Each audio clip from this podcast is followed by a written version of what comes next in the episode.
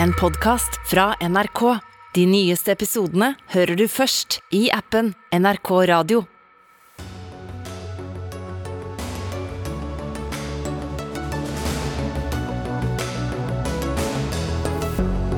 Politikere får mer trakassering, hatefulle kommentarer og hets enn før, ifølge en eh, rapport. Hvem skal orke å engasjere seg politisk da? Strid om hvor et nytt fengsel i Oslo skal eh, ligge. Senterpartiet velger pris foran lokaldemokrati, kritiserer SV. I morgen begynner de olympiske leker i Beijing. Legg ned hele OL, foreslår Civita-rådgiver. Og sju av ti nordmenn veier mer enn helsemyndighetene sier de bør. Men skal de slanke seg? Nei, slanking virker ikke, sier en eh, forfatter. Jo, slanking virker, produserer en kommentator. Og de møtes eh, her hos oss i Dagsnytt 18 mot slutten av sendinga. I dag er det jeg, Sigrid Solund, som er i studio. Må toppolitikere regne med å bli truet og trakassert? Mange av dem blir det i hvert fall, ifølge en ny rapport som Politihøgskolen har laget på oppdrag fra Politiets sikkerhetstjeneste, PST. 87% av dem som har svart på undersøkelsen blant stortingsrepresentanter og regjeringsmedlemmer, har hatt uønskede opplevelser i forbindelse med politisk virksomhet. 52% av lokalpolitikerne har opplevd det samme. Ungdomspolitikere er også blitt spurt. Ulrikke Torgersen, du er talsperson i Grønn Ungdom. Du er 24 år og var førstekandidat i Rogaland for MDG foran stortingsvalget i fjor høst. Hvor godt kjenner du deg igjen i det undersøkelsen avdekker? Jeg kjenner meg dessverre veldig godt igjen, og det er jo veldig trist lesning, og det burde jo ikke være sånn. I Grønn Ungdom hvor jeg jobber nå, så må vi dessverre lære opp ungdommene til å håndtere hets og trakassering. Eksempler på skjellsord etter da vi vedtok ny bilpolitisk plattform i 2019, var eh, miljønazist, hjernevaska, eh, vi ble om å ta på oss tvangstrøye, få behandling av elektrosjokk. Så dette er veldig alvorlige, eh, grove eh, hets og trusler. Eh, og jeg vet at veldig mange unge som engasjerer seg, eh, vegrer seg nettopp derfor for å delta i samfunnsdebatten, pga. den trakasseringen som etterfølger slike politiske vedtak. Mm. Hender det at du blir redd? Vi har heldigvis et godt apparat i ungdomspartiene. De jeg bekymrer meg aller mest for, er de unge som kanskje ikke ennå har funnet ut hvilke eh, politiske tilhørighet de har, eller har bare lyst til å delta i samfunnsdebatten som sådan, som ikke har et apparat, eller eh, opplever veldig sterke trusler eh, for første gang. Mm. Tore Bjørgo, professor ved Politihøgskolen og leder for Senter for ekstremismeforskning ved Universitetet i Oslo. Jeg kom med noen tall, men hva vil du si er hovedtrekkene i undersøkelsen deres? Ja, Vi finner jo at uh, folkevalgte på alle nivåer, uh, blir fra lokalpolitikk og ungdomspolitikere opp til storting og regjering, de risikerer en uønska belastning uh, i form av hets og trakassering. Og denne belastningen øker jo høyere posisjonen man får i det, i det, politiske hierarkiet, og hvor i graden av medieeksponering, så det henger veldig tett sammen. Men det mest bekymringsfulle det handler om utviklingen over tid når det gjelder særlig stortingsrepresentanters og statsråders erfaringer med alvorlige tilfeller av trussel og trakassering, og hvilke konsekvenser det har. For der har Vi sett en, vi har gjort denne undersøkelsen i 2013, 2017 og 2021, og ser en veldig negativ utvikling. Der det var 36% som opplevde opplevde slike alvorlige trusler typen, typen eh, tilbake i 2013 av typen eh, trusler om å skade eh, politikeren sjøl, familien, hærverk mot eiendom eller forsøk på overfall. Det økte til 40% i 2017 og 46% av de som besvarte undersøkelsen nå i 2021. Det er en, en veldig negativ utvikling. Men det er, det er litt forskjellige, forskjellige, poster, for å si det sånn. Hatefulle ytringer, trusler, hets. Hvor mye objektivt erfarte størrelser, og hvor mye er klart definerte eh, hos, hos, dere da, i undersøkelsen? Altså, vi, vi gir jo uh, disse politikerne en, en, rekke eksempler på typer uh, opplevelser. Spør om de har opplevd dette. F.eks. har de opplevd hærverk. Har de opplevd uh, direkte eller indirekte trusler om å skade familiemedlemmer f.eks. Uh, og så svarer de på det. og det er, Siden vi da kan følge dette over tid, så ser vi jo at det, det henger ganske godt sammen. Mm. Hva tror du, Torgersen, hvis han får mye negative tilbakemeldinger, kan det noen ganger også oppfattes mer truende enn det er grunnlag for? Nei, jeg tror vi må ta hetsen og trakasseringen på aller høyeste eh, alvor. Det jeg er kanskje litt bekymra for, og som jeg har erfart som òg toppolitiker i, i en valgkamp, er at jeg tror at vi har skapt et slags sånn hets, hetsmaskineri, hvor politikerne og, og, media dessverre setter en slags eh, standard for hvordan man skal uttale seg, og så ser man gjerne ekko av dette i kommentarfeltene. Um, og, eh, så jeg er veldig opptatt av at man skal snakke om hvilke toner man legger seg på. Um, og det er veldig mange unge som uh, bevisst avstår fra å, å, engasjere seg i samfunnsdebatten når de ser hvilke konsekvenser det har å bli kanskje politikere over tid. Eh, og I en valgkamp så er det en ganske definert start og slutt. Eh, men for min del å se for seg et liv som politiker kanskje over flere år, forhåpentligvis, så blir man jo bekymra. Mm. Eh, både for seg sjøl og sine venner og kollegaer. Og det er vel et av funnene deres også, Bjørgo? Ja, Vi ser jo at dette skaper frykt i ulik grad. altså De aller fleste, uansett hvilken kategori vi snakker om av politikere, så opplever en grad av, de store flertallet en grad av frykt. Og for noen blir mer redde enn andre. altså Vi ser at de unge politikerne blir mer redde. Vi ser at kvinnelige politikere blir mer redde. Eh, og det får konsekvenser for deres, både deres eh, privatliv, altså det at de er bekymra for sikkerheten til seg selv og familien, at de reduserer sin sosiale sosiale aktiviteter, men det får også konsekvenser for deres politiske virke. Det, kan, det handler om at en betydelig andel, eh, ca. hver fjerde eh, representant eller toppolitikeren på eh, regjering og storting, er Mm, forsiktig eller med å uttale seg om kontroversielle temaer. Avstår fra å engasjere seg i en del kontroversielle saker av frykt for konsekvensene. Og vi ser at, at hver, nesten hver femte uh, delta, uh, politiker på de øverste nivåene vurderer å trekke seg fra politikken pga. dette. her. Og Den tendensen har økt kraftig i løpet av de tre, tre, periodene vi har undersøkt. Og Det er jo de som har skolering og de som har et apparat. Mm. Så kan man jo bare tenke seg hvordan det er lenger nedover i, i rekka. Hans uh, Sverre Sjøvold du er leder for Politiets sikkerhetstjeneste, altså som har bestilt denne undersøkelsen. Flere trusler, mer hets. Er det grunnlag for å si at det også er blitt farligere å være politiker? Det syns jeg nok går litt for langt. Altså, vi har jo et ansvar for å beskytte myndighetspersoner. Men vårt ansvar er, det gjelder bare noen ganske få myndighetspersoner. Men Gjennom denne undersøkelsen som Bjørge nå har gjort rede for, så ser vi jo at eh, det er mange mennesker som opplever eh, trusler og trakassering som ikke nødvendigvis er straffbare. Og Vi har jo hatt eh, den tanken at vi må også kunne sette oppmerksomheten mot de truslene som faktisk dette innebærer for demokratiet, selv om ikke det er noen saker for oss. Altså, vi er jo ikke noe mening, meningspoliti. Altså det, det, er få saker som kommer i, i straffesporet. Men det er likevel et eh, samfunnsfenomen som jeg syns det er riktig å, å, ha oppmerksomhet mot. For da sier du at uh, man kan si at ytringsfriheten er blitt ytringsfrihetens eh, største fiende. Ja. Et litt vanskelig dilemma? Ja, det er jo det. Og det er vel egentlig det som er vanskelig med denne debatten her også. Fordi uh, en ytring skal jo møtes med ytring.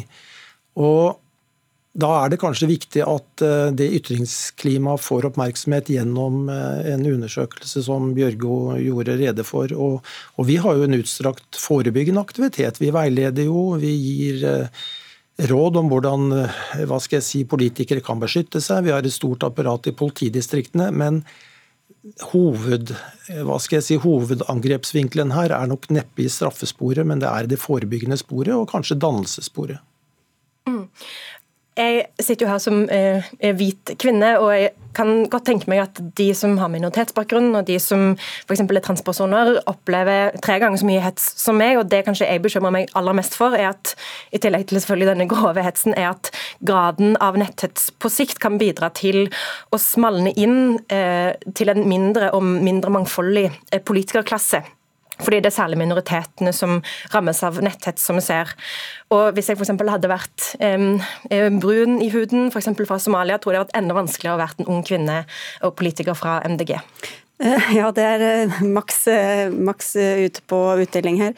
Vi kan jo få med deg, da, Masud Gharahkhani. Du er stortingspresident i Arbeiderpartiet, men du har jo også minoritetsbakgrunn. Bare for å ta det først, hva slags meldinger har du fått sjøl?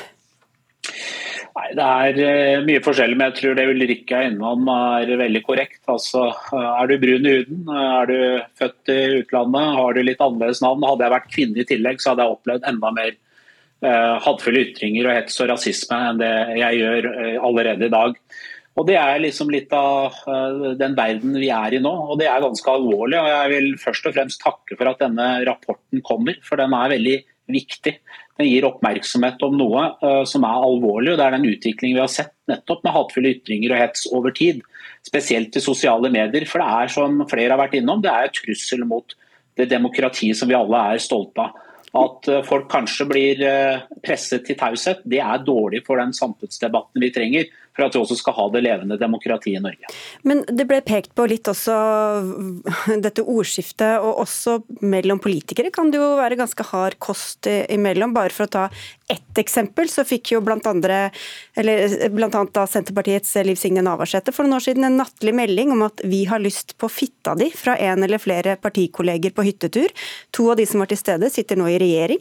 Hvordan tar dere politikere ansvar for hvilken retning det går i? Vi har også selvfølgelig et eh, stort ansvar. Eh, men det jeg har lyst til å si at noe av det jeg er mest stolt av når jeg får internasjonale besøk eh, på Stortinget, er jo at når jeg tar imot de, sånn som jeg skal gjøre i morgen når Estlands president kommer, er jo det jeg merker at selv om vi er mange ulike politiske partier i Stortinget, og det er spisse og krevende debatter, så er det en veldig respektfull tone i stortingssalen vår. Slik er det ikke mange andre land. Men det vi har sett den siste tiden, er dessverre en utvikling når man kommer utenfor salen og i sosiale medier. Så er det noen som tror at bare man sitter foran en dataskjerm, så kan man lire fra seg alt mulig. Alt fra rasisme til trusler mot politikere. og Det har vi et felles ansvar å ta et oppgjør med. Voksne er forbilder for de unge som ønsker å engasjere seg. og Vi ser at politikere fra alle partier kommer med både personangrep og karakteristikker, og ofte tolker hverandre i verste mening. og Dette bidrar ofte media til å nøre opp under for å få en konfliktlinje og gjøre det interessant for leseren. Og Dette tror jeg vi må ta på aller eh, størst alvorlighetsgrad. fordi at det er, Vi ser at vi, eh, de unge tar etter det i skoledebatter, f.eks. i skolevalgkampene, og som jeg nevnte i stad, i kommentarfeltene og i innboksen vår. Det ser vi ekkoet av. Ja, Bjørge, hvor mye tror du kan eh, forklares med dette? Nei, altså vi, vi, ser jo at eh, den, veldig mye av denne økningen vi har sett i, i, alvorlige trusler og hendelser, skjer jo på sosiale medier. Så det har blitt en arena hvor det er blitt veldig altså Hvor folk kan si ting de aldri ville våge å klare å si ansikt til ansikt, men hvor man får en sånn distanse, og det skapes miljøer hvor det er på en måte sosial aksept for å si grusomme ting til hverandre. Så det er nok en del av forklaringen. Så er det jo også slik, og det er viktig at vi ikke får en slags sånn politikergenerasjon eh, hvor det bare er de mest tykkhudede blant oss som orker å stå i dette her. For det er mange tykkhudede politikere som greier dette her, og som rister av seg. Men da går vi glipp av kanskje de personene som har opplevd ting i livet som gjør at de er mer sårbare. De kan ha opplevd overgrep og vold og, og andre ting, og de har viktige stemmer som ikke vi må sørge for at politikken ikke går glipp av, for de bringer inn noen perspektiver som kanskje de tykkhudede ikke, ikke ser. Så vi må finne måter å, å ivareta disse menneskene på. Skjøvold? Ja, Bare en tilleggsinformasjon. fordi at Få av disse sakene går i straffesporet. Og En forklaring er at eh, når vi oppsøker eh, personer som kan ha fremsatt straffbare ytringer, så ser vi at det er mye psykiatri som da sitter bak sin skjerm og ytrer seg på en eh, forkastelig måte. Men det, kom, det, kan man jo ikke vite når man er i den andre enden, hva som, hva som ligger bak. Eh, Gharahkhani, hvordan tar dere vare på kanskje særlig nye stortingsrepresentanter, for å passe på at det ikke bare er de som tåler aller mest, som orker å, å holde ut? Altså det er jo sånn nå at Når vi har introduksjonsprogram for nye stortingsrepresentanter, så er selvfølgelig dette et tema. Eh, og så har vi jo selvfølgelig tett samarbeid med PST, som kommer innom alle stortingsgrupper og snakker om bl.a. dette og sikkerhet.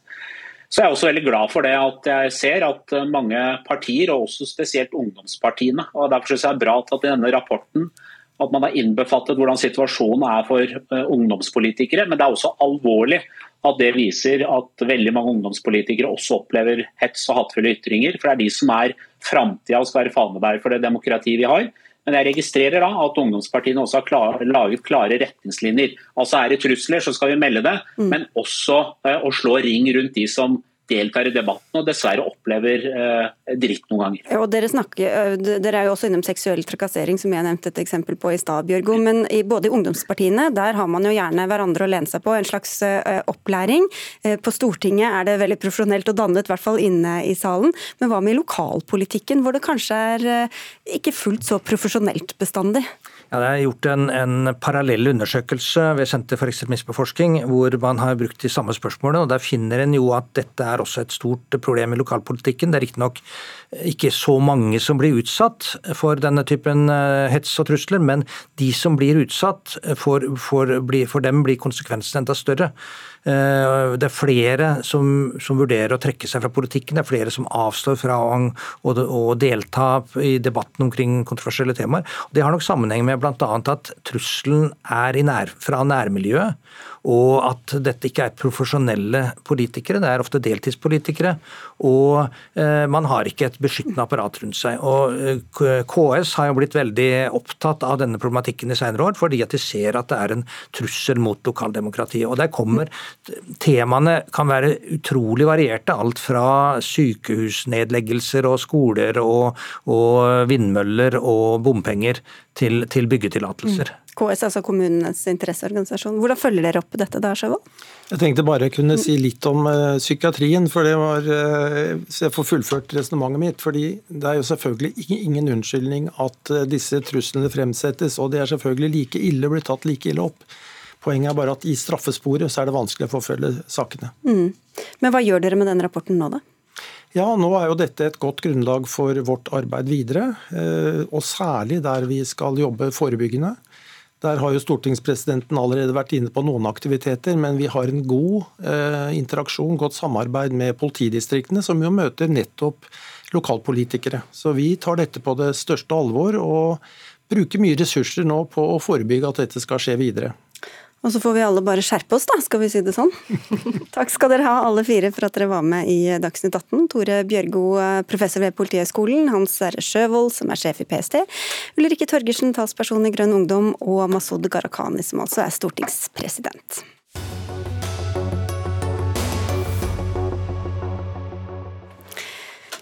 Legg ned hele OL. Det sier du, Eirik Løkke. Det er litt av et budskap å komme dagen før de 24. vinterlekene åpner i Beijing? Ja, det kan godt være at det provoserer noen, men slik som de olympiske lekene har utvikla seg, så tenker jeg jo at det er en pervertering av de opprinnelige olympiske idealene. Så i Sotsji-OL i, i, 2014 og Kina nå i 2022. Det, det, det, det, er god grunn til å legge det ned, mener jeg. Ja, Du skriver om dette i VG, du er altså rådgiver i den liberale tankesmien Civita. Men hva er det som er så spesielt ille ved, ved OL sammenligna med andre mesterskap? OL er jo enormt stort, og det er jo det største blant eh, mesterskapene. Og så er det jo noe med at det blir voldsomt mye også, eh, i tillegg til at OL har jo denne spesielle bakgrunnen med de olympiske idealene. Og så er det noe med at OL har utviklet seg til å bli et gigamani. Det er enorme kostnader knytta til de olympiske lekene. Og så er det jo også sånn, selv om IOC ofte har prøvd å benekte det, at idrett også er politikk. Og det er knapt idretten verdig å se at du nå skal ha olympiske leker i Kina, hvor du har eh, konsentrasjonsleirer knytta til uigurene, du har et ekstremt brutalt eh, diktatur som sitter og styrer, og sågar også har trua utøverne og de som kommer til Kina med straffeforfølgelse, mm. hvis de sier det de mener. Det er ikke idretten verdig. Boikott har vi diskutert mange ganger, men å legge ned hele OL, det var nytt. Eh, Sylo Tarake, du er rådgiver i Sentrum Venstre Venstre tankesmia Agenda, og du følger ikke Løkke her? Nei, ikke helt. Jeg følger han med helt til konklusjonen. Eh, men ikke, ikke enig i at eh, OL må legges ned. Eh, OL er en viktig global tradisjon. Det gir folk felles opplevelser, felles referanser knytter kontakt på tvers av kontinenter, på tvers av nasjoner. Og bidrar til forbrødring. Så den opprinnelige ideen bak OL om at det skal bidra til fred, er fortsatt aktuell. Mm. Konkurranse innen idrett er fortsatt et eh, godt alternativ til krig. Men så må vi gjøre noe med de problemene som du peker på i VG-kronikken din. Men i denne, akkurat i dette konkrete eh, spørsmålet så er jeg mer konservativ enn eh, Erik Løkke. Ja, det det jeg tror mer på tradisjoner, og, eller på reformer, da, enn en revolusjon. Ja, du er så rev revolusjonær, Løkke. Hvorfor er ikke fred og forsoning viktig nok grunn lenger? Det er kjempeviktig. Man kunne jo spilt den tilbake og si at det er du, Sylo, som forsvarer pengemakten og IOC her. Jeg tenker at forbrødring og idrettsarrangementer er kjempeviktig, og derfor har jo VM, og det bør vi jo fortsette å eh, ha. og Det er mye positivt med OL. Jeg har selv hatt masse positive opplevelser med de olympiske lekene, men det er noe med måten det har utvikla seg på, er at det er mer negative ting med OL enn positive ting. Og, og den gamle ideen om at eh, det viktigste er ikke å vinne, men å delta, det, det er lite som, som, som, tyder på at det er viktig i uh, OL lenger. Og igjen, når man ser hva som skjedde i Sotsji i, i, i 2014 med Putins propaganda, nå får vi propaganda fra det kinesiske eh, regimet, så har, har, hele den olympiske idealet blitt pervertert. Ja, Tanken er god, men hvordan står det egentlig til i virkeligheten? Ja, også De problemene som Erik Løkke peker på er høyst reelle. Både sløseriet, det var vanvittig i Sotsji. Det at eh, autoritære regimer soler seg i glansen og, og, bruker det for alt det er verdt. Det er heller ikke eh, nytt. Eh, men, eh, men, løsningen er ikke å, å legge det helt ned. og jeg tror ikke at VM er et godt alternativ. fordi eh, OL er jo veldig unikt fordi det er stor bredde. Eh, det er også mulighet for de små idrettene, eh, idrettsdisiplinene å skinne. Og det skaper også kontakt på tvers av idretter. og så, så ja, men bare for å ta så, det, for de, jeg vil bare høre med deg, for Det er de små idrettene da, som vil tape under det forslaget ditt? Ja, uten tvil. Det er et godt argument for OL at de, de små idrettene Husker vel tilbake til Vancouver-OL, hvor curling ble skikkelig stort i Norge. Det er jo en liten idrett som antageligvis ikke får like mye oppmerksomhet hvis det ikke er for OL, så det er et godt argument. Men det er knapt et godt nok argument for at det skal endre hele den dynamikken som OL nå er, er kommet inn i. Eh, så jeg tenker at eh, nettopp fordi OL er så unikt, fordi det er så stort, det er jo blitt blitt det negative ved det. Det er blitt et gigamani, det er blitt et vanvittig pengesløseri. Og det er de store diktaturene som Russland og Kina som bruker OL for propaganda. Mm. Det gjør de, eh, og eh, en del av ansvaret har også vi. Også OL eh, kunne vært i Oslo nå. Vi visste når vi trakk søknaden, eller når vi ikke sendte søknaden, at Kina er en sannsynlig arrangør. Eh, så vi har også et ansvar der. Eh, og når det gjelder pengebruken, så skjer det en positiv utvikling der. Altså det er mindre pengebruk eh, nå i det siste, også både i London, men nå Kina har også redusert kostnadene betraktelig. Det er mye mer hjembruk av OL-arenaer og sånt, og det er den veien vi må gå. Altså Vi må fremheve frivilligheten og idrettsgleden og, og, kutte på luksus og kutte på sløseri. Ja, det det du sa at det var ikke veien å gå, det var ikke løsningen å legge det ned. Så løsningen er da og adressere de problemene. Bruke mindre penger. Eh, og du syns vi er på såpass god vei at du har tro på at det ja, kan gå? Ja, i hvert fall eh, så, så, er det positivt eh, det som nå skjer i Kina med, med, med, pengebruken. I hvert fall at de har redusert det kraftig, og mye gjenbruk. Til og med seremonien skal I forbindelse med åpningsseremonien så er det mye gjenbruk der. Men så har vi også de neste OL-ene skal finne sted i vestlige land, og da har vi også en mulighet til å gjøre noe med alle de problemene som du tar opp, Erik. Ja, Det er iallfall positivt at det skal gå i vestlige land, at ambisjonene er lavere.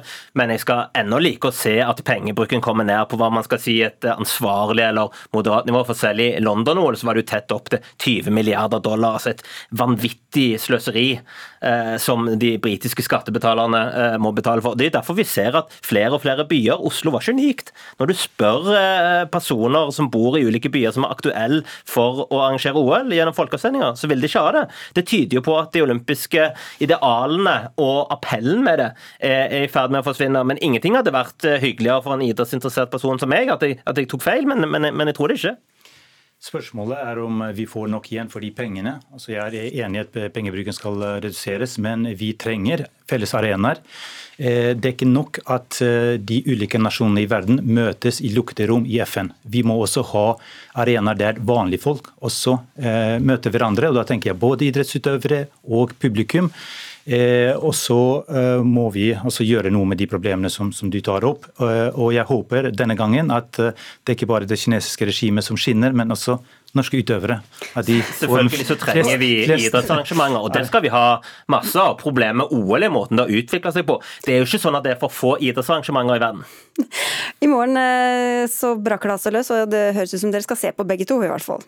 Eh, ja, det skal hende at jeg skal dukke opp eh, innom og, og, og se hva som skjer. Takk skal dere ha, begge to. Erik Løkke fra Civita og Sylo Taraku fra Agenda.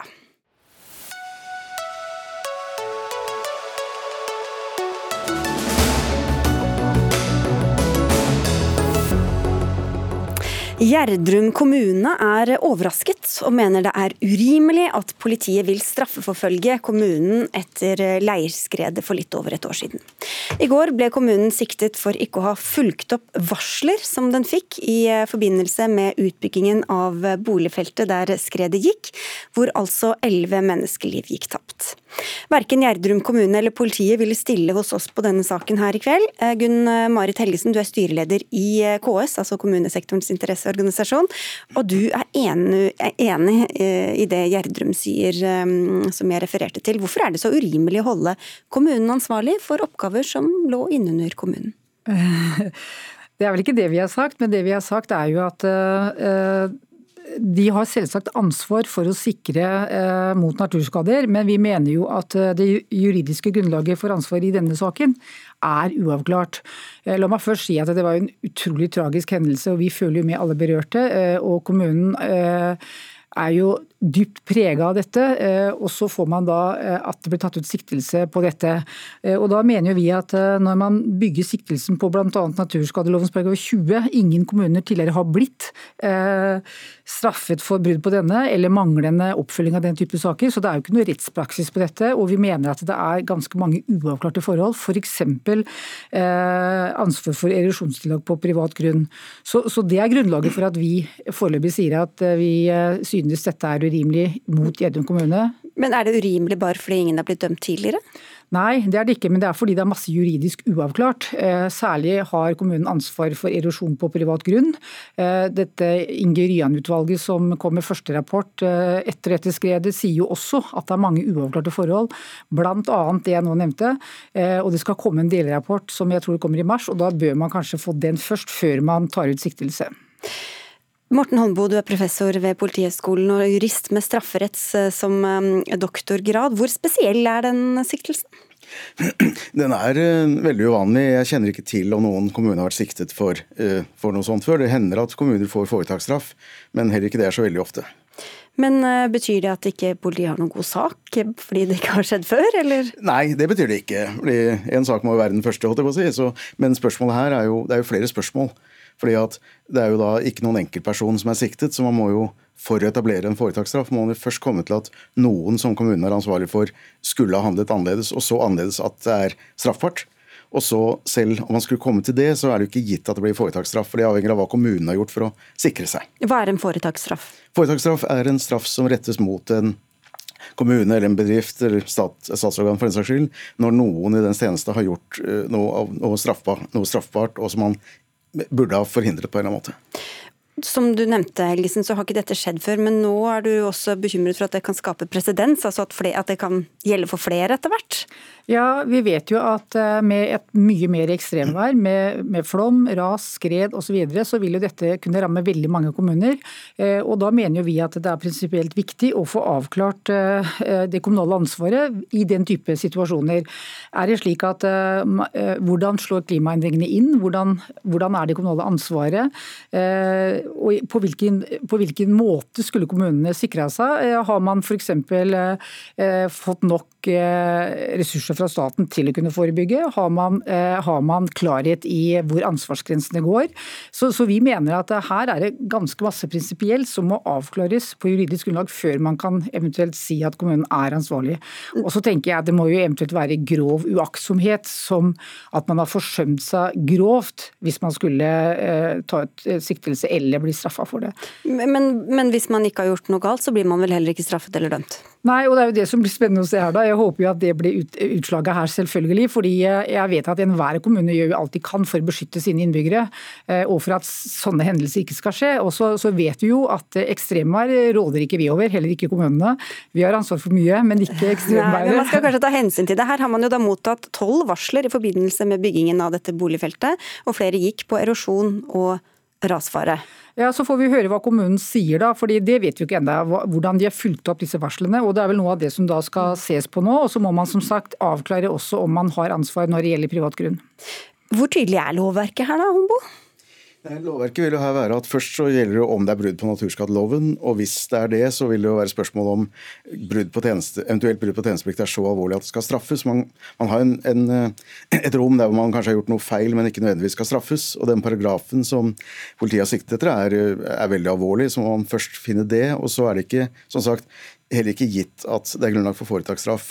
men politiet har heller ikke i og for seg sagt at de vil gå for tiltale. De har funnet det riktig å sikte kommunen og sendt til statsadvokaten, som skal vurdere det. Men de kunne gitt en, en, øh, et forelegg uten å sikte? Eller? Nei, nei, det, det blir en siktelse i det øyeblikk man gjør det. Men ja, en siktelse er på en måte mindre enn et forelegg. Sånn at, men det er statsadvokaten som må, gi, må ta stilling til dette fordi strafferammen er så høy i det grunnleggende straffebudet. Ja, Hva er strafferammen? Seks års fengsel, men en kommune kan selvfølgelig ikke komme i fengsel. Nei, Så hva er alternativet da? da hvis kommunen skulle bli funnet skyldig i dette, så vil det bli en bot.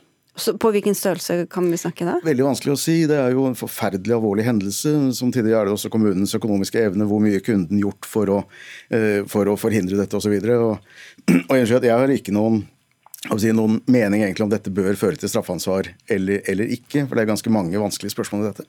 Nå er det jo sånn at Både dere og kommunene selv sier at de ofte vil ha en stor grad av selvbestemmelse. og De har vel også fått det i større grad igjen i plansaker de siste årene. Og Da følger du et ekstra ansvar med også, da? Ja, og det, det, er helt klart at kommunen har et ansvar. Og hvis det viser seg at man har forsømt seg grovt, eh, så vil man jo eventuelt måtte svare for det. Eh, men vi er jo ikke der nå, og det er det som er vårt poeng. At eh, foreløpig så så mener vi at det er altfor mye som er juridisk uavklart til at man bør ta ut siktelse og eventuelt strafferettslig forfølges. Så får vi da se fortsettelsen, men, men, det er på en måte vårt utgangspunkt nå. Og så må jeg kanskje legge til at dette har skjedd fort. Jeg har ikke fått se politi disse politidokumentene eller begrunnelsen for hvorfor man har gjort det. men som sagt, denne delrapport nummer to, som Ryan skal se på, mener jeg har en del spørsmål som også har pekt på, som vi peker på, som er uavklarte. Ja, Det er altså del to av dette, denne rapporten mm. som du sier, som Inger Ryan har ledet uh, dette utvalget. Ja, Det var vel så langt vi kan komme nå, så får vi se hva veien videre bringer. Og så si tusen takk til dere begge to. Morten Holmo, professor ved Politihøgskolen og strafferett eh, som doktorgrad, ja. Og eh, til deg, Gunn Marit Helgesen, styreleder i kommunesektorens interesseorganisasjon.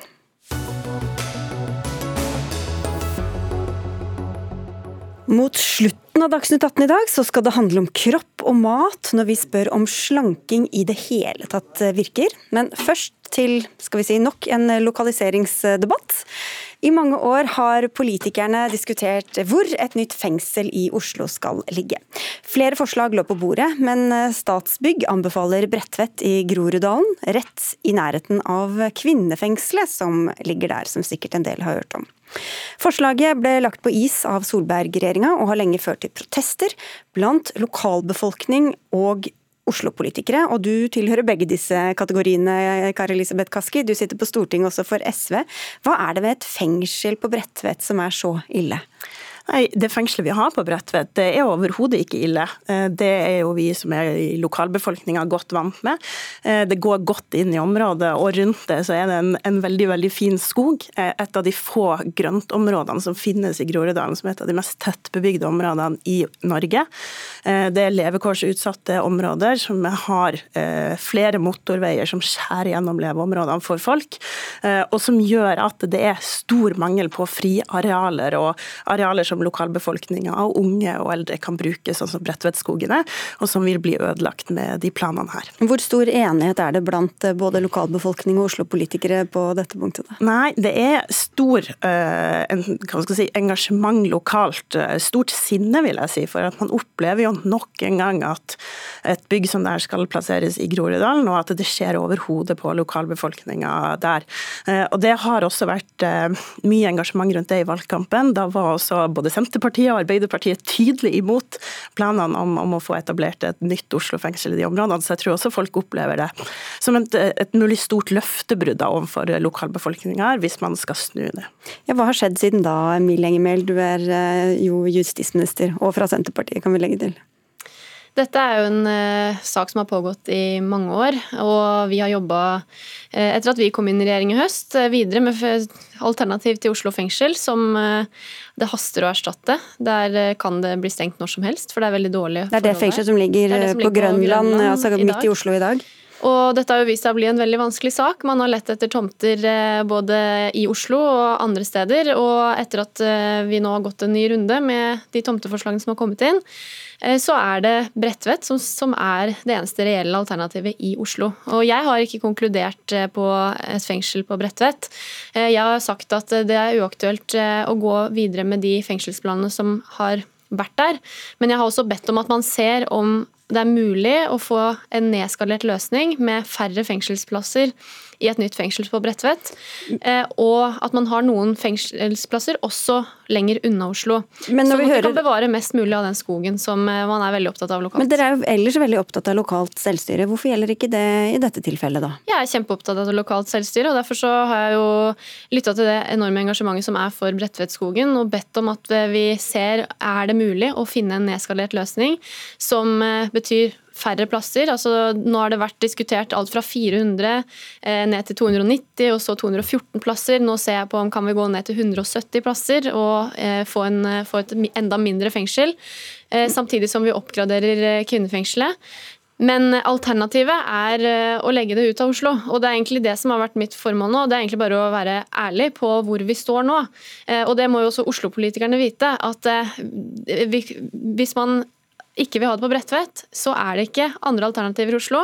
Og det har også noen konsekvenser, f.eks. kjøretid for politiet. Få høre med Kaski på det. Da. Altså, det. Det er jo bare de alternativene som foreligger man må forholde seg til. Hvor er det dere vil ha dette fengselet? Altså, jeg mener at den eh, rapporten som, som, kom fra Statsbygg, og som for øvrig var eh, et resultat av at den forrige regjeringa, borgerlige regjeringa, Monica Mæland, slo fast at man legger Bredtvet på is, vi trenger å finne andre alternativer. Den peker på flere aktuelle tomter. Jeg har ikke lyst til å peke på og bestemme liksom, at det skal ligge der, for det er flere aktuelle tomter i den rapporten som også skårer bedre enn Bredtvet. Men klart, det som er fordelen med Bredtvet, og som skinner igjennom, er at kostnadsspørsmålet er billigere å legge det dit. Men, men det innebærer også at det blir dårligere plass for de innsatte. Det er allerede nedskalert i flere runder. Kriminalomsorgsdirektoratet har pekt på og slått alarm på at det blir for Vi skal få, med, få det aspektet inn snart. Jo, men det er også viktig å ha med seg um, at dette er både et spørsmål knytta til lokalbefolkninga i Groruddalen som opplever å bli overkjørt.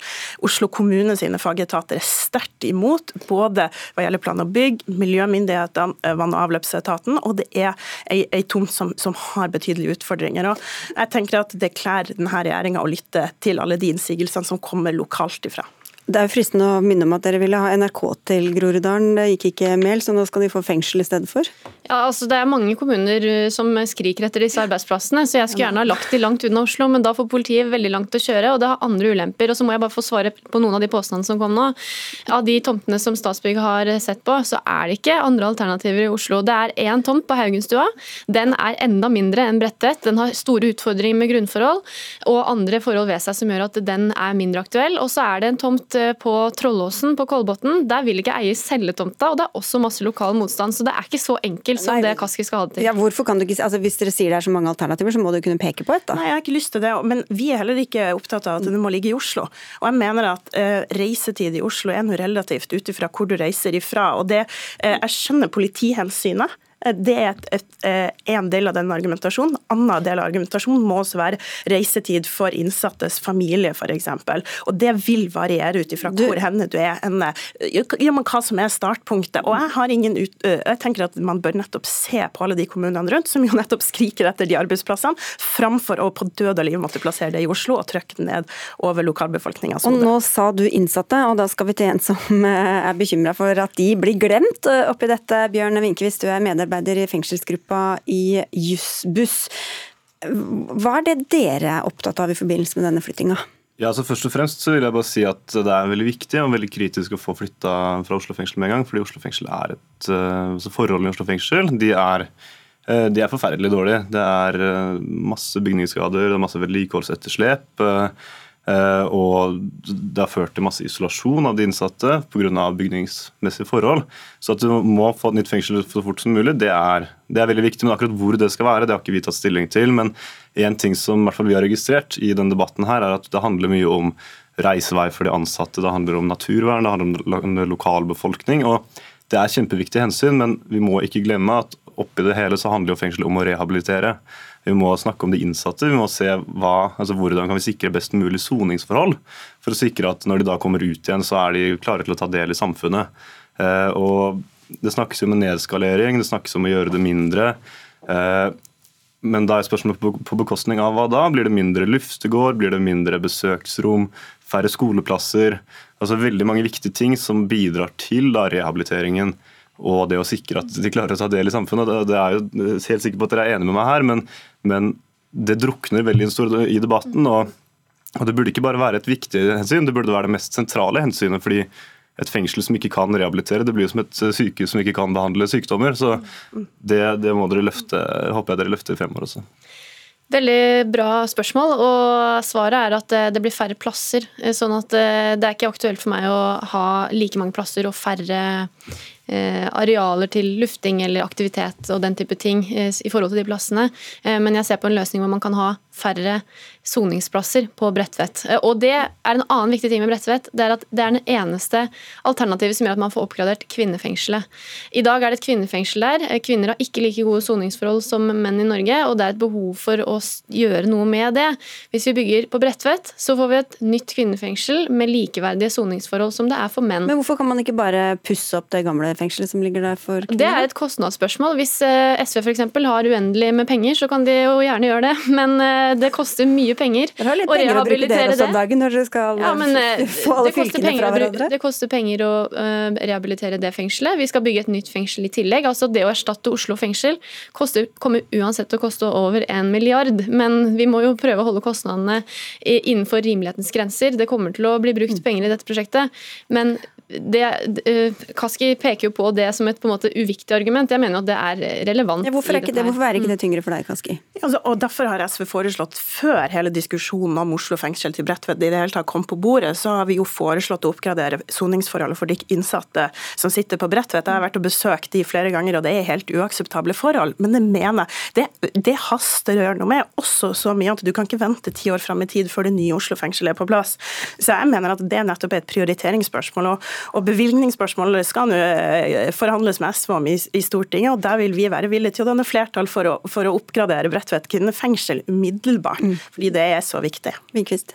Ja, nei, eh, Du nevner jo at du vil ha færre soningsplasser, men i dag så sitter det omtrent 250 stykker i Oslo fengsel. og Hvis man nedskalerer til 170, så vil det resultere at 80 eh, stykker må flyttes til andre fengsler. og Vi har jo et nærhetsprinsipp i mm. norsk kriminalomsorg om at man skal kunne sone nærme der man kommer fra, for å kunne opprettholde familiære bånd og ting som er viktig for tiden etter soning. Og Hva, hva, hva, hva, tenker dere er løsningen på på dette her, da, alle de som ikke får plass i et nytt Oslo fengsel, men kanskje har stort behov for å være i nærheten av Oslo for å mm.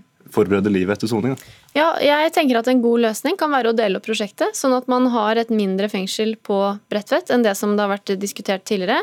Og så at man i tillegg har et fengsel som er noe lenger unna. Eh, sånn at man har mer fordeling av plassene. Nei, men altså de, de, tomtene som har kommet inn nå, så er det vel inntil en time og et kvarter kjøretid fra Oslo i ulike retninger. Det har kommet tomter fra de fleste fylker som grenser til Oslo. Ehm, så det tenker jeg kunne vært en god løsning. Men som sagt, jeg har ikke konkludert. Jeg ønsker bare å si til eh, Oslo, egentlig, at toget går for Oslo nå. Hvis man skal stå så hardt på Bredtvet og ikke er villig til å diskutere løsninger som kan både gi arbeidsplasser til Groruddalen, vi kan inkludere oppgradering eller tiltak for at det skal være fine friluftsområder for lokalbefolkningen. Altså Det er mange tilpasninger vi kan forsøke å gjøre for å gjøre dette til et positivt prosjekt. Men hvis man ikke ønsker det, så er alternativet å legge det utenfor Oslo med alle de ulempene som mm. det vil ha. Et, både arbeidsplasser og et praktbygg til Groruddalen, Kaski? Vi vil ikke ha oppgradert naturområde, vi vil ha skogen vår. Og er det den som skal bevares. Og jeg verdsetter den åpenheten fra justisministeren, men jeg tror Oslos svar kommer til å være helt kategorisk, sånn som det har vært fram til nå.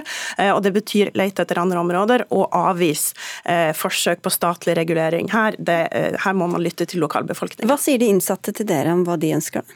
Altså De innsatte de, det, er, det, er, veldig mye de ønsker. først og fremst. Jeg skjønner at ikke det er en helhetlig men, men, masse. Men... De vil jo ha bedre, bedre lokaler og det er veldig bedre fengsler å være i. Det er altfor mye isolasjon i norske fengsler, og mye av det uh, har med dårlige altså bygninger å gjøre. Det har med lav bemanning å gjøre. Det er veldig mye som trengs å gjøres i norsk kriminalomsorg, og det håper jeg vi kan møte om en eller annen gang i fremtiden også. Men, uh, men uansett så er det få et nytt fengsel fortest mulig.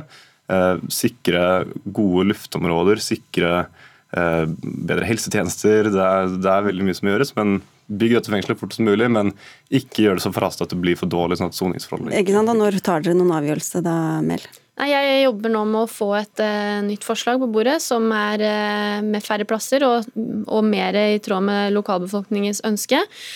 Og så håper jeg at vi får en avklaring raskt om det er mulig å få til i Oslo eller ikke. Jeg ønsker eh, ikke å eh, gå på tvers av eh, Oslo kommune hvis ikke altså det er helt prekært. Men det er bare viktig å være tydelig på at det er ikke så, noen alternativer. Fordi har, man, har gått, man, har gått, så mange tomter i sømmene. Det er store utfordringer med alle andre alternativer. Og det å ha varetektsplasser spesielt også i Oslo, det er et viktig moment som vi da velger bort hvis vi skulle valgt å legge hele nytt fengsel utenfor Oslo. Nå fikk du noen nye avtaler i hvert fall, om ikke annet. Så får vi se hva dere lander på. Takk skal dere ha alle tre. Emilie Enger Mehl som er justisminister, Kari Elisabeth Kaski som sitter på Stortinget for SV, og Bjørn Vinkvist som altså jobber i Jussbuss.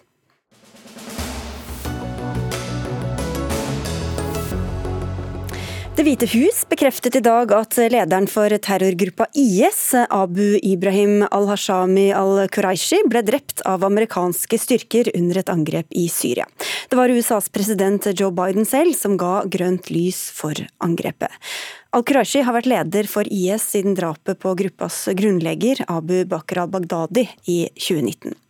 Og Lars Os, USA-korrespondent eh, i Washington DC, hva var det som skjedde under dette angrepet? Nei, det her var nok et veldig nøyaktig eh, og langt planlagt eh, eh, operasjon fra amerikanske spesialstyrker som tok seg inn fra eh, Tyrkia over grensa til en liten by Ahmed nordvest i Tyrkia.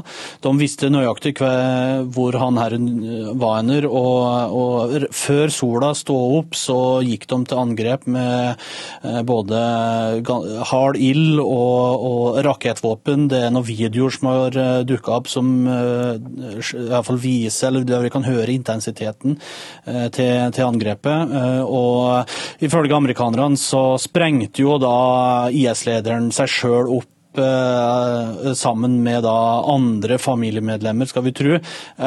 Det er andre kilder fra Syria som sier at minst 13 personer eh, ble drept totalt. Amerikanerne de fikk, fikk, ingen skader på, for seg, men et helikopter som de brukte, skal angivelig ha vært ødelagt eller fått mekaniske problemer, slik at de var nødt til å ødelegge det før de da trekte seg ut igjen. Mm, hvem var den al-Quraishi?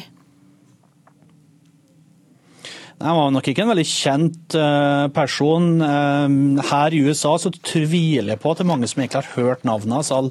Al-Baghdadi i motsetning var jo en, en kjent skikkelse fordi han var snakka mye om i media. Men eh, al-Qurashi skal ha stått bak flere militære operasjoner under al-Baghdadi. Og når da den kjente IS-lederen forsvant, så har han på en måte da klatra litt opp i, i rangstigen og, og tatt over ledervervet i IS. IS. Og Al-Baghdadi ble drept da Trump var president, eh, mens Obama, eh, Obama satt ved makten. Så, som så mange husker ble, eh, sikkert husker, så ble jo Osama bin Laden drept. Hvor stor seier kan vi kalle dette siste drapet for, eller angrepet, da, for Biden? Nei, altså, det er nok ikke, Du, du vil iallfall ikke få den effekten som, eh, som vi så da, da verken al-Baghdadi, men ikke minst eh, bin Laden ble, ble drept. Altså det, det, handler nok uh, veldig mye om her at det er veldig få personer som egentlig vet hvem han er, eller visste hvem han var. og Amerikanere generelt tror jeg ser veldig lite mot Syria nå, fordi at de fleste styrkene har jo trukket seg ut derfra. Det er jo kun spesialsoldater og, og et fåtall offiserer som eksisterer i området. Så det er ikke så veldig mye fokus på Syria her i øyeblikket. Så, så jeg, jeg, jeg, tviler på at det vil bli liksom hylla på samme måte som da al-Baghdadi f.eks. ble drept, eller da bin Laden. Men Joe Biden sjøl mener jo at dette er en veldig viktig seier for USA, viktig seier for hele verden, og at, at da sitat fra han at vi har endelig, eller vi har fått blitt kvitt en, en farlig mann ifra, ifra verden. Mm. Takk skal du ha, Lars Os.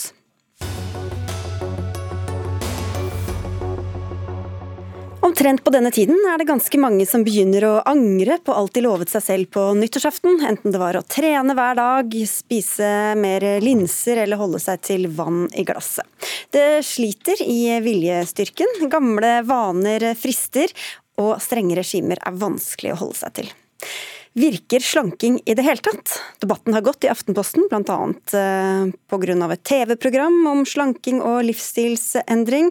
Og svaret ditt, eh, Hilde Østby, forfatter av bl.a. mageboka 'Sju steg mot å like kroppen din', er at slanking ikke virker. Hvorfor er du så kategorisk? Uh, nei, det er fordi jeg støtter meg på veldig mye velrenommert forskning som sier at de for veldig veldig mange mennesker så vil ikke slanking virke. Over 90% vil være tilbake på samme vekt som de begynte slankinga på, etter fem år.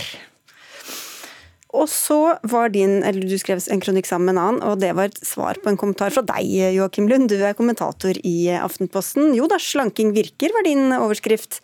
Hvem kan slanking virke for, mener du? Ehm, ja, altså Det finnes jo veldig store studier uh, som viser at slanking uh, virker. Uh, og Påstanden fra, fra, Hilde Østby var i den kommentaren sitat, 'Slanking virker ikke, vi gjentar det gjerne, forskningen er tydelig'. Og Det er rett og slett feil, for, for slanking virker. Store studier viser det. Men, og mange studier viser det. Men det viser, de studiene viser også at det er krevende. Det er veldig vanskelig, og ikke egentlig så vanskelig å, å miste litt vekt, men å holde, eller beholde det vekttapet. Det er ganske krevende. Men å si at slanking ikke virker, det er altså ikke bare galt, det er også farlig. Nei, det er ikke farlig. Eh, det er eh, veldig mange mennesker i Norge som eh, sliter med slanking. I en stor undersøkelse fra NTNU så viser det seg at, og det er 27 000 norske kvinner som er med på den undersøkelsen, så viser det seg at over halvparten driver med slanking uavhengig av alder og vekt. Og en undersøkelse i Storbritannia viser at en jevne 45-åring har prøvd å slanke seg 61 ganger. Og når jeg sa det til en venninne av meg, så sa hun 61 ganger? Det var litt lite, egentlig. Jeg har prøvd mye mer enn det. Eh, og det eh, forskning også viser, er at eh, over 40% av oss prøver, har prøvd å slanke oss de siste fem årene, og likevel øker vekta. Og de studiene som du viser til, Joakim, de viser at folk kan jo godt gå ned. Altså, jeg kan gå ned fort. Jeg har gått ned fort. Jeg har slanket meg mange ganger. Jeg, i likhet med veldig mange i Norge, har et forstyrra forhold til mat og vekt. Så jeg jeg slapper ikke av når noen setter en stor tallerken med god mat foran meg. Eh, men eh, det vi må se på er hva slags livskvalitet er det man får når man hele tiden fokuserer på vekt og slanking. Og Det er det andre, andre delen, men du kan bare svare først på dette. Da virker det som slanking virker, men bare en liten stund, og så virker det ikke lenger. Eh, ja, eh, altså Det finnes en stor amerikansk studie. 5000 mennesker ble fulgt i åtte år. Tre av fire beholdt et betydelig vekttap, og én av fire de hadde mista mellom 10 og 15% av kroppsvekten sin, også etter ti år. Det er ganske betydelige tall.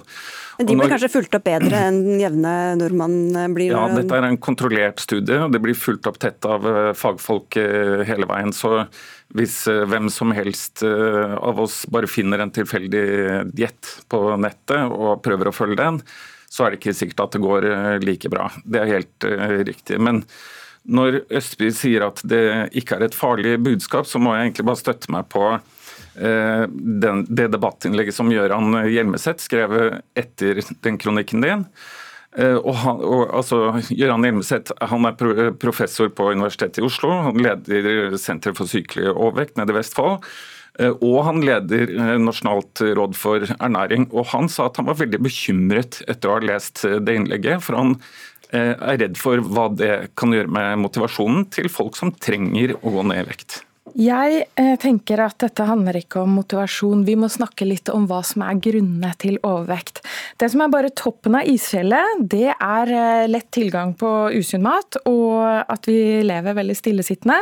Men det er altså bare toppen av isfjellet. For så kommer stress, søvnmangel. Bare en bisetning nå, så kom det en stor rapport nettopp som viste at ungdommer i Norge sover absolutt altfor lite.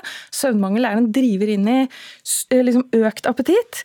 Og så kommer depresjon depresjon og traumer. Da doktor Vincent Felitti skulle slanke de sykelig overvektige i San Diego i 1985, og dette var eh, middelklassen i San Diego som visste hva brokkoli var og hadde hørt om trening, så fant han ut at de fort la på seg alt igjen. Og så gjorde han noe revolusjonerende som ingen hadde gjort før han. Han spurte de overvektige om hvordan livet deres hadde vært før de ble ordentlig tjukke. Og det han fant ut, var at de hadde opplevd mye traumer. Og han lagde en liste over traumer, og det heter ACE, Adverse Childhood Experiences.